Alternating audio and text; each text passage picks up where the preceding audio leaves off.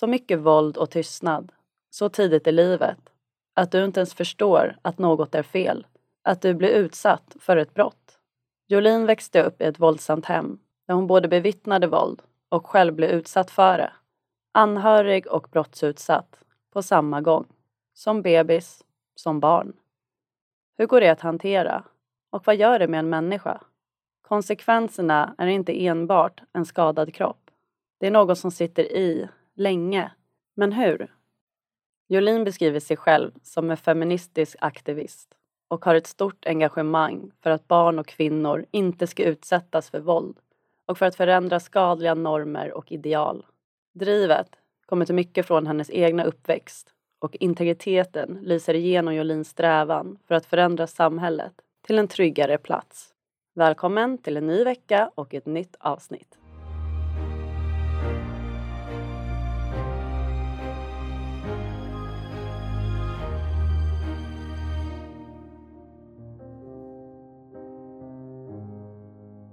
Hej och välkommen till veckans avsnitt med mig Jonna Ekdahl, kommunikatör på Skyddsvärnet. Och hej och välkommen till dig Jolin, Tack. veckans gäst. Ja, Ja. Hur mår du? jag mår bra. Jag är lite trött. Eh, var uppe för sent igår som vanligt. Men jag är glad eh, av att vara här. Vad kul. Mm. Bra start på veckan. Verkligen. Ja. Mm. Sa jag till dig liksom. Ja. Nu är det så. nu är det så. Nu har du en bra start på veckan. ja, Ja. precis. Men det känns okej. Ja, men vad kul. Vill du berätta lite grann vem du är? Mm. Eh, jag eh, heter Jolin och jag bor i Vällingby med min sambo. Eh, jag är en feministisk aktivist, en obotlig idealist, eh, kollektivist och emotionell revolutionär. Det var många fina ord. Ja, Saker. Ja, jag gillar eh, sådana epitet. ja. Du har ett ideellt eh, och politiskt engagemang Mm. detta, eh, som mycket rör barns rättigheter och rätt till ett värdigt liv fritt från våld. Och det engagemanget har vi berättat eh, lite om tidigare att det kommer från en stor del av att ha vuxit upp i en våldsam miljö. Vill du berätta lite grann om hur, den, hur din situation såg ut? Mm. Eh, nej men jag växte upp med eh, en mamma, pappa, eh, storebror och lillebror. Båda mina föräldrar var ju traumatiserade från sina egna uppväxter. Det gjorde ju att eh, de inte var sådär jätte, jättebra på det här med eh, eh, ge oss liksom en trygg och stabil hemma, hemmiljö liksom. Och eh, de kunde inte riktigt hantera känslor och, och liksom kommunicera så himla bra. Och de hade ju, de bråkade jättemycket med varandra och vi bråkade med varandra också liksom. Eh, en grej som min pappa då gjorde var att han eh, slogs. Och eh, min mamma var väldigt manipulativ och det var väldigt mycket Ja men det var väldigt jobbigt psykiskt och fysiskt om man säger så. Mm. Mm. Du blev ju själv också utsatt för våld, eh, direkt våld. Du såg ju din mamma bli utsatt för det i hemmet Mm. och samtidigt blir det själv. Mm. Hur var den, det här dubbla våldet? Alltså det, det som är jobbigt eh, med att vara, vara barn och eh, bli Alltså att vara med om att ens förälder blir utsatt för våld är ju att du blir väldigt ansvarstagande och, och, och liksom du utvecklar en slags medberoende personlighet. Och det är inte bara, det är inte så svartvitt liksom att det är så här, ja ah, den föräldern är dålig och den är bra. Eller liksom, och den är en förövare och den är ett offer. Det är, det är ju mycket dysfunktionalitet i det hela så att det, det, det går liksom inte alltid att urskilja vad som är vad eller, och vem som gör vad. Det, så är det ju, alltså jag tänker att det är instinktivt i oss alla, liksom att eh, när vi ser eh, en annan människa bli utsatt för våld så vill vi kanske skydda den då Mm. eh, och hjälpa den. Mm. Och eh, speciellt, och sen också är det ju, det är inte bara våldsamt. Eh, det kan ju också vara väldigt alltså ångersfullt och, och eh, ång, mycket ångest och, och skam och oro och sådär. Eh, jag känner ju ett jätte, jättestort ansvar för båda mina föräldrar, att jag ska ta hand om dem och skydda dem. Men däremot, när det gäller mig själv, så då, då var det mycket svårare. Eh, och det är liksom det som, som sitter kvar i, som följer med eh, efteråt för att eh, våldet internaliseras liksom. Eh, både det psykiska och det fysiska. Så att mig själv har jag haft jättesvårt att skydda och ta hand om och vara rädd om.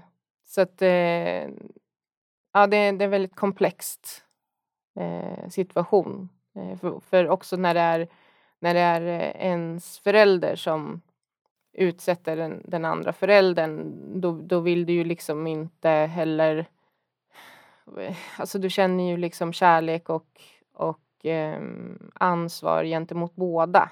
Så, så att det är så här, om det hade varit en, en främling på gatan så hade det varit lättare att bara så här, eh, kanske liksom eh, försvara sig och, och liksom ah, gå till motattack. Mm. Men, men det är inte lika lätt när det är ens förälder det handlar om. Liksom. Plus att du är ett barn.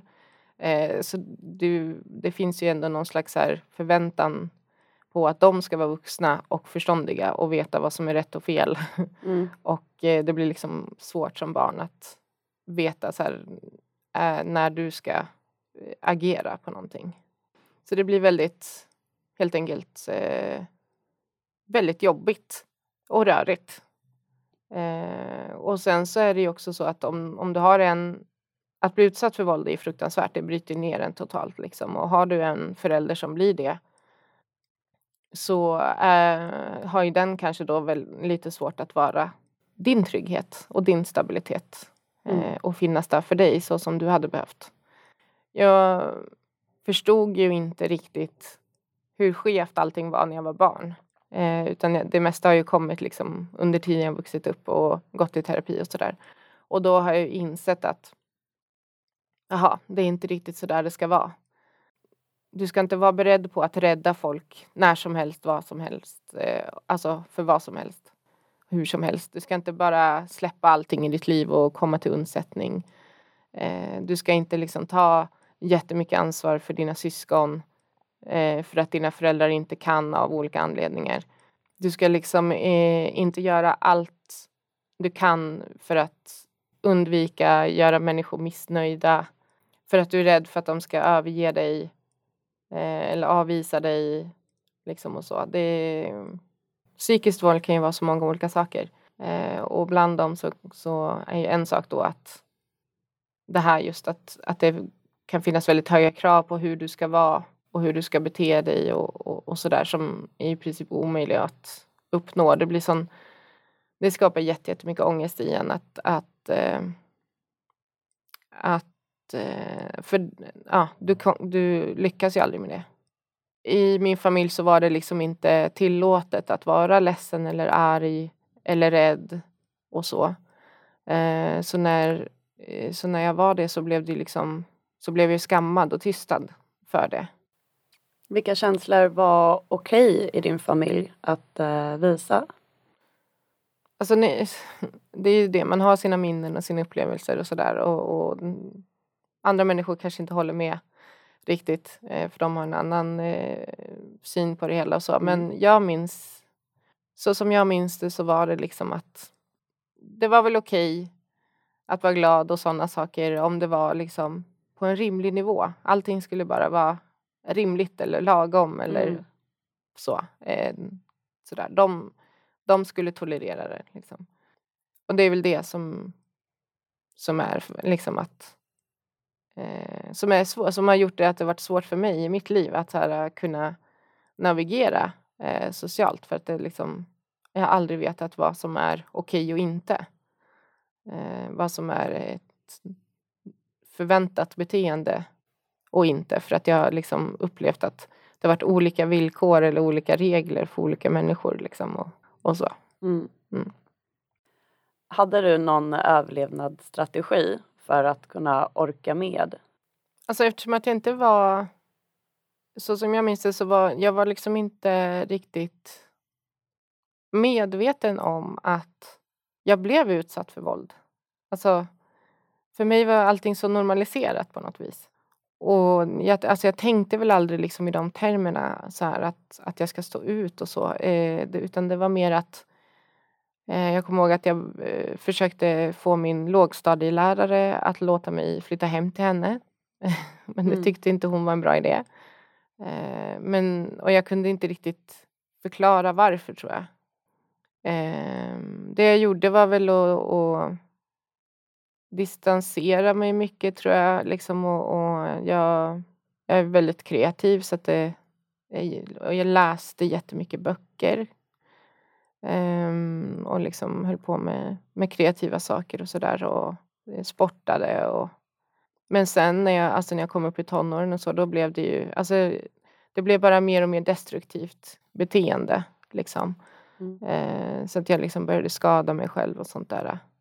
Så det var inte riktigt, det var liksom inte det där, alltså min ångest och mina, eh, att jag blev mobbad i skolan och sådär, det var som att det liksom tog över på något vis. Eh, liksom det var som att det gick att prata om eller det gick att liksom förklara. Eh, det där med våldet, det var lite sådär onämnbart på något vis, eh, oidentifierbart. Mm. Eh, så det, det var, jag har aldrig, det är också det som är så konstigt, för jag har aldrig liksom sett på det på det sättet. Att så här, jag har blivit utsatt för våld och jag, jag eh, är liksom ett, ett offer eh, för det. Mm. Så, det, det, det var liksom inte så jag såg på det. Men som jag har förstått nu att det, det ligger till grund för många saker. Hade du någon, du nämnde din eh, lärare, men som du inte riktigt kunde förklara vad det var för någonting som hände eller varför du ville flytta in hos läraren. Mm. Fanns det någon annan som du kunde prata med eller någon annan som, eh, ja, men som kanske uppmärksammade att allt inte stod rätt till med dig och eh, i ditt hem helt enkelt? För mig så var det så att varje gång jag kom nära eh, en annan eh, vuxen skars den kontakten bort. Liksom. Det är liksom de, mina föräldrar sa att eh, jag skulle inte prata med andra människor om mina problem för de var inte intresserade och ville inte liksom, bli besvärade. Det var inte synd om mig och liksom, ah, sådana där saker. Liksom, de förminskade det väldigt mycket. Så att eh, varje, jag tror att varje gång någon har har liksom påtalat för mina föräldrar att, att här, ah, men mår Jolin verkligen bra liksom, och är allting okej och sådär så, alltså, så, så har de liksom sett till så att vi inte liksom har haft eh, så mycket kontakt. Det är ju det som har gjort att, att liksom jag har haft så svårt att prata om det också för att eh, jag har inte liksom tillåtits.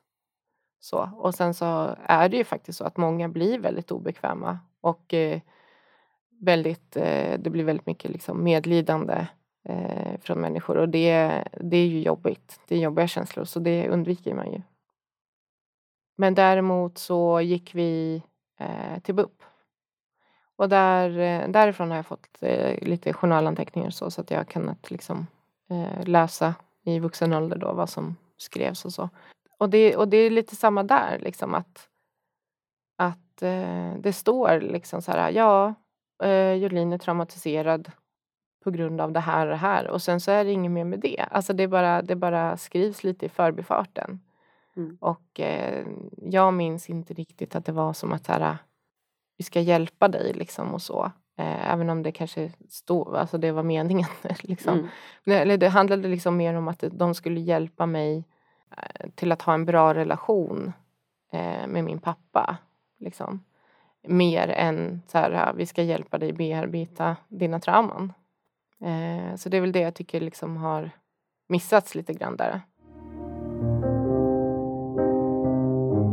Vi har pratat lite grann om eh, vad det här eh, att växa upp i en våldsam eh, miljö, i ett våldsamt hem, fått för konsekvenser för dig idag när du är vuxen. Mm.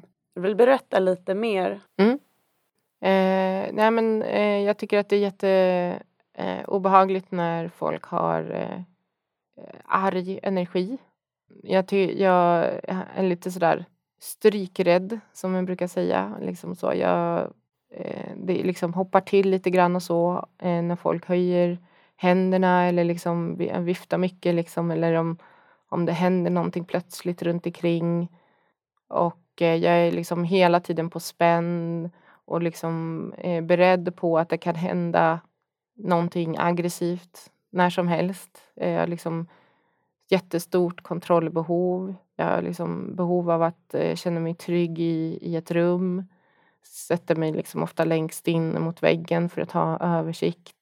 Och eh, jag har jättestora sömnproblem fortfarande. Nu drömmer jag inte lika, mard lika mycket mardrömmar lika ofta och så som när jag var barn. Men, men eh, det var jättejobbigt att eh, gå och lägga sig och sova, släppa på kontrollen eh, när jag var barn och så. För jag visste ju inte liksom vad som skulle hända när jag inte var vaken. Liksom. Eh, jag var livrädd att någon av mina föräldrar inte skulle liksom finnas kvar när jag vaknade.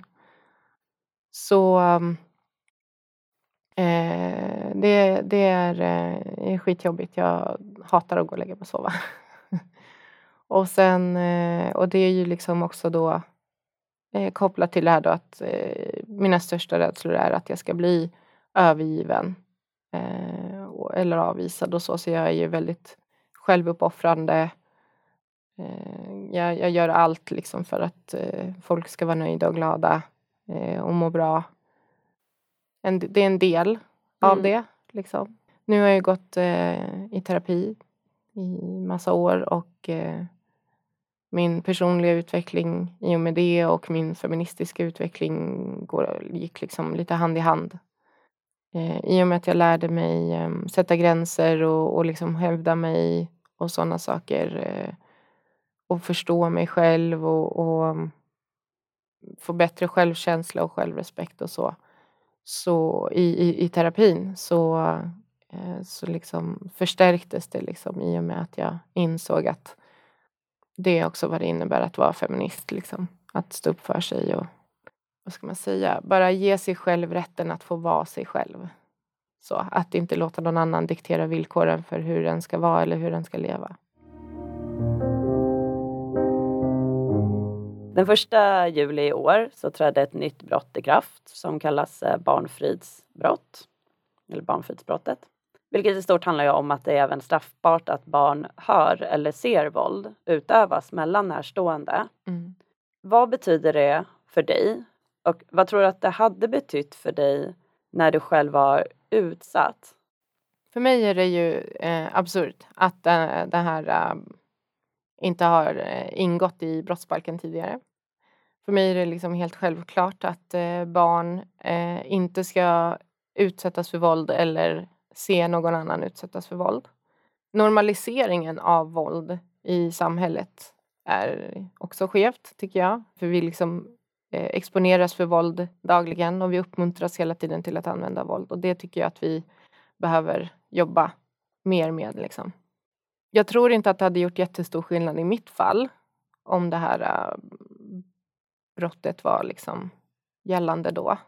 Med tanke på hur, hur bra, alltså hur isolerad eh, jag blev. Liksom. Men eh, det betyder jättemycket för mig att eh, det nu finns ett brott som säger liksom att, eller att det finns en lag som säger att människor inte får utsätta barn varken för våld eller, eller liksom exponering av våld.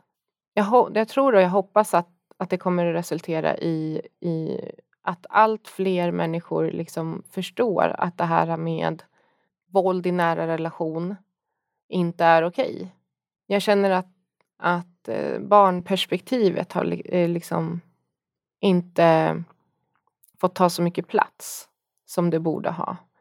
Eh, och att alltså vi pratar om våld på, på ett konstigt sätt. För vi pratar hela tiden liksom om den som blir utsatt för våld och det är väldigt mycket fokus på den.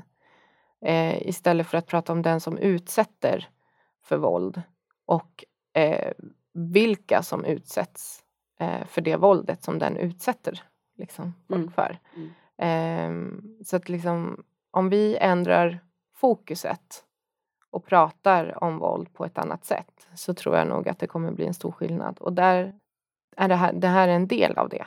Eh, att man, man, man, man förstår att när någon utsätter en annan människa för våld så är det inte alltid bara den som tar emot själva slaget eller orden som drabbas utan också väldigt eh, ibland eh, många fler.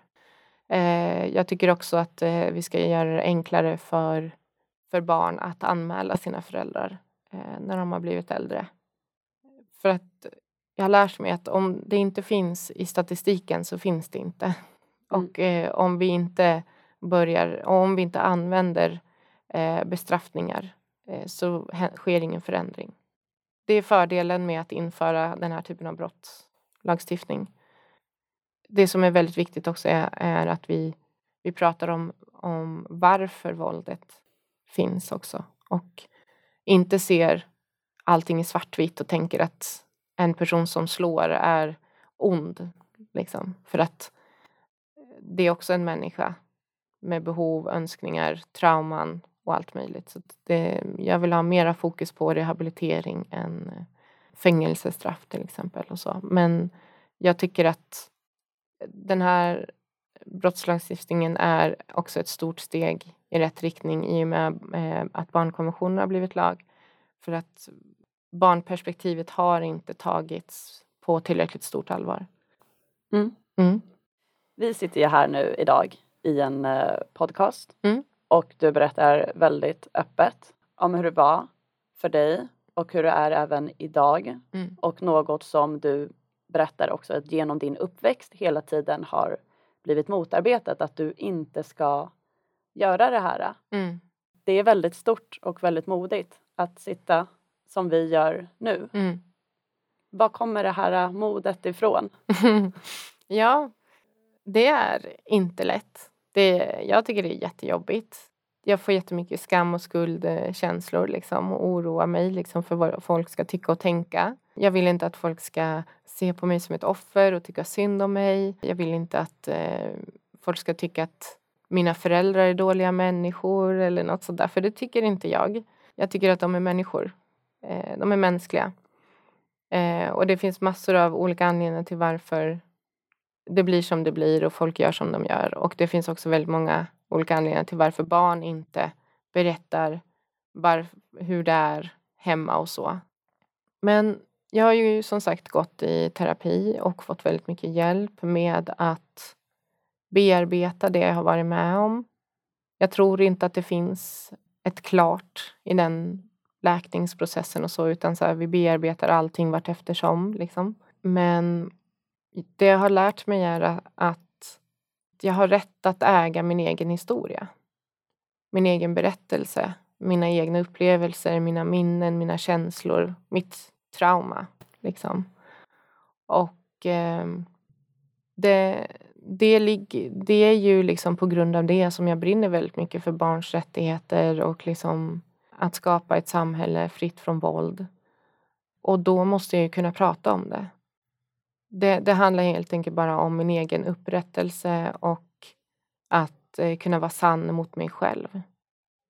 Jag, det betyder inte att jag lever i det förflutna utan det handlar om, om det handlar om vad som händer idag och hur jag väljer att, att leva idag och varför.